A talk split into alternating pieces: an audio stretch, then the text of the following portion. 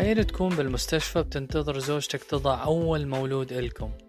فور انتهاء العملية بتحمل طفلك وتنهال عليك التبريكات.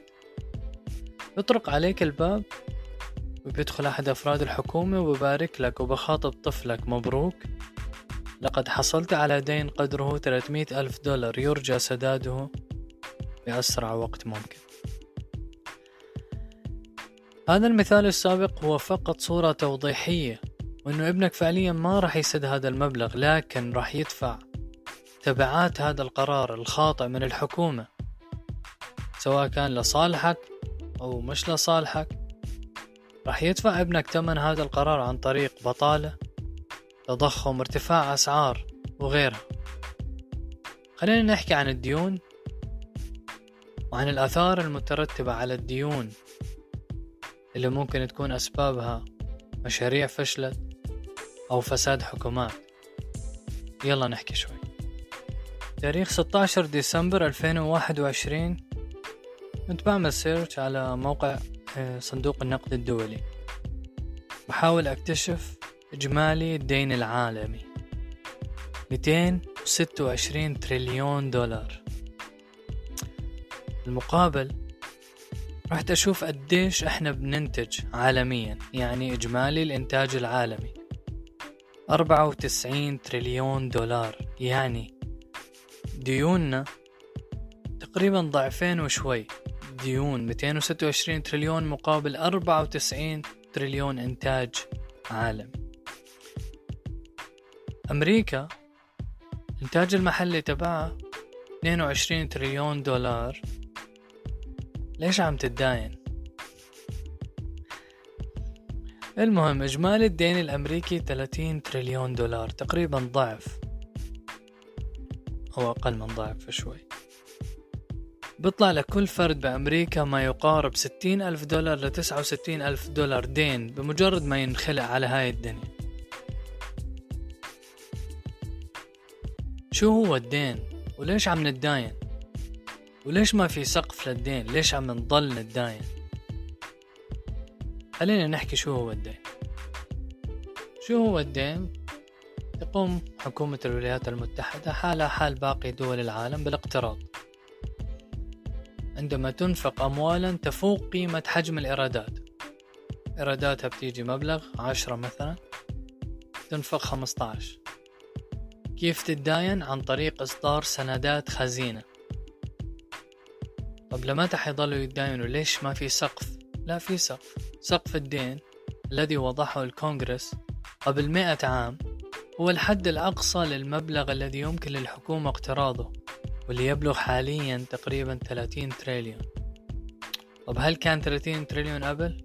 لا ما كان 30 تريليون يمثل السقف الحد الأقصى الذي لا تستطيع الدولة تجاوزه في الاقتراض وبالتالي يصبح عليها أن تعتمد على السيولة النقدية للوفاء بمدفوعاتها شو بدها تدفع الدولة؟ رواتب العسكريين وغيرها من شغلات.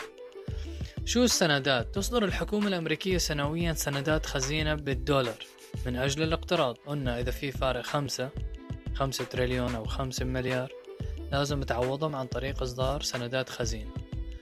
عن طريق طرحها في الأسواق بفائدة معينة يعني المستثمر بروح بيشتري سندات الخزينة الأمريكية عن بالمقابل بعطوه فايدة. يمكن لأي حد أنه يشتري السندات هاي. دول أجنبية أفراد شركات هيئات مؤسسات محلية داخل الولايات المتحدة بتقوم بشراء هاي السندات. زي ما ذكرت قبل وصل مستوى الدين الحكومي الأمريكي تقريبا 30 تريليون دولار. ربع هاي الأموال بالدين فيها الحكومة لنفسها. كيف؟ تستثمر إدارة الضمان الاجتماعي تقريبا ثلاثة تريليون من فائض أرباحها في السندات الحكومية ويحتفظ الاحتياطي الفيدرالي بأكثر من خمسة تريليون دولار في سندات الخزينة الأمريكية. يعني البنك الفيدرالي نفسه الأمريكي أو البنك المركزي هو بداين الحكومة. أنت بتخيل يعني الدولة بتداين نفسها وما راح تطالب دولتها إنه تسدها اليوم أو بكرة. في المقابل في دول أجنبية وشركات والأفراد شارية دين أمريكا ما يقارب 7.5 تريليون من ديون الحكومة الأمريكية. أكثر ناس مشترين الديون أو أكثر الدول اليابان الصين بواقع 2 تريليون لكل واحد. فيهم دول الخليج كمان مستثمرة وغير هيك مستثمرين وآخرين ومواطنين في أمريكا وشركات أمريكية وحكومات محلية. هل ممكن الدولة تتخلف عن سداد ديونها؟ طبعا. أرجنتين لبنان ويمكن أمريكا. أمريكا؟ أي نعم. ديسمبر 2021 حذرت وزيرة الخزانة الأمريكية جانيت يلن من كوارث مالية محتملة قد تلحق بالبلاد في حال لم يرفع سقف الدين. رجعنا لسقف الدين مرة تانية لأنه كان 28 تريليون وطالبوا بسقف الدين بآخر برفع سقف الدين في آخر 2021 وتم الموافقة عليه مؤقتا. المهم نرجع للموضوع. في حال لم يرفع سقف الدين ولم تتمكن الولايات المتحدة من سداد ديونها مع حلول المحلى المحدد. قالت يلين في غضون أيام سيفتقر ملايين الأمريكيين. دراما. وقد تنقطع شيكات الضمان الاجتماعي نحو 50 مليون مسن في أمريكا بدفعوا شيكات ضمان اجتماعي هذا كله من ضمن الميزانية الدولة اللي حكينا إنه بصرفوا أكثر ما بنتجوا أو الإيرادات أقل من المصاريف. وقد تتوقف رواتب الجنود يعني في رواتب ضمان اجتماعي لخمسين مليون مسن في رواتب جنود وفي غيرها. استذكرت يلين أزمة ديون 2011 صارت هاي الأزمة قبل وكمان كانوا يتخانقوا الحزبين ديمقراطي والحزب الجمهوري لرفع حد الدين أو لرفع سقف الدين. شهدت يلين على أن التحرك في أسرع وقت ممكن. سيمكن البلاد من تجنب النتائج الأسوأ اللي صارت في 2011 شو راح يصير إذا تخلفت أمريكا؟ أكبر اقتصاد في العالم عن سداد الدين. وهي سابقة وما عمرها صارت. خلينا نحكي داخليا سيؤدي عدم رفع سقف الدين. هم already رفعوه بس أنا بكمل القصة تبعهم already رفعوه مؤقتا. بس عم بحكي في حالة ما وافقوا. الحزبين اللي بتخانقوا جمهوري والديمقراطي على رفع سقف الدين آه، دائم. تمام؟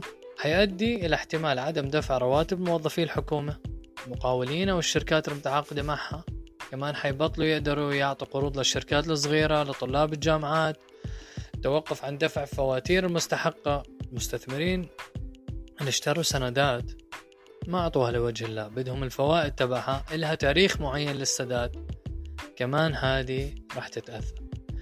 وهذا يعني من الناحية الفنية أنه في حالة التخلف عن السداد ما راح يقدروا يسدوا هدول المستثمرين. كمان يتوقع أن يتسبب التخلف عن السداد إلى انزلاق الولايات المتحدة. إحنا اليوم في تضخم راح ينزلقوا إلى ركود اقتصادي ناجم عن انخفاض الناتج المحلي. ومجرد ما أنت ما تقدر تعطي قروض للشركات. ما تعطي قروض للطلاب ما تقدر تعطي فلوس لل... للمستثمرين. فأنت ما راح تقدر تحرك اقتصادك ما في فرص عمل ما في إنتاج مثل قبل سيؤدي أيضا لفقدان حوالي 6 ملايين وظيفة ناتج عن كل الكلام اللي حكيته مما يسبب ارتفاع في معدل البطالة. بتصل تقريبا 9% 10% حسب الإحصاءات اللي قرأتها في تقرير صندوق النقد.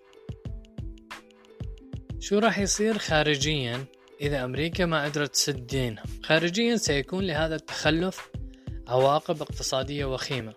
سيؤدي ارتفاع أسعار الفائدة تقليل قيمة الدولار مقابل العملات الأخرى وإصابة الأسواق العالمية بحالة من الذعر وربما الركود. ليش ركود؟ سيدفع الركود المستهلكين والشركات الأمريكية لتقليل كمية السلع والخدمات اللي بيشتروها من خارج البلد. إذا أنا ما معي فلوس كشركة صغيرة ليش أنا أستورد؟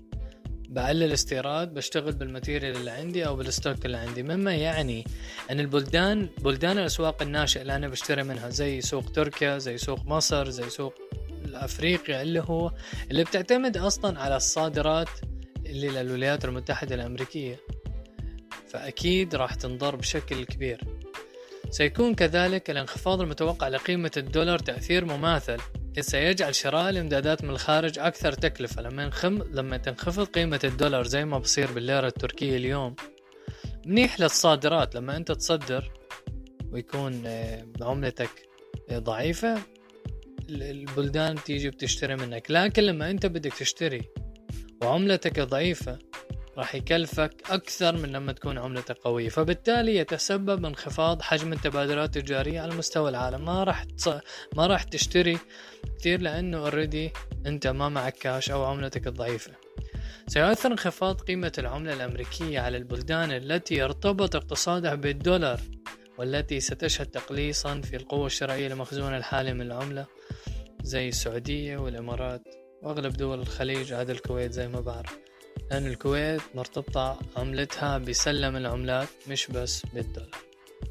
ليش فجأة أنت عم تحكي عن الديون وغيرك عم بيحكي عن الديون وعن التخلف وعن المشاكل تخلف سداد أمريكا للديون وغيرها؟ لا مش مش من جديد عم نحكي.